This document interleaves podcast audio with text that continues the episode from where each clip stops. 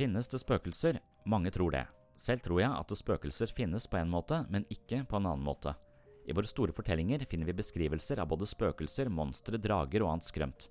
Er det fortellinger som skal avsløre åndeverden for oss mennesker, eller er det fortellinger som bare har til hensikt å bidra med en litt skremmende underholdning? Det kan også hende at historiene snakker til oss om noe viktig, og at spøkelser og gjengangere faktisk er et fenomen vi må ta hensyn til. Hvorfor hjemsøker disse gjenferdene oss mennesker? Noen mener at de ble utsatt for en spesielt tragisk eller voldelig død, eller at den avdøde ikke fikk fullført noe viktig før hjertet stansa for godt.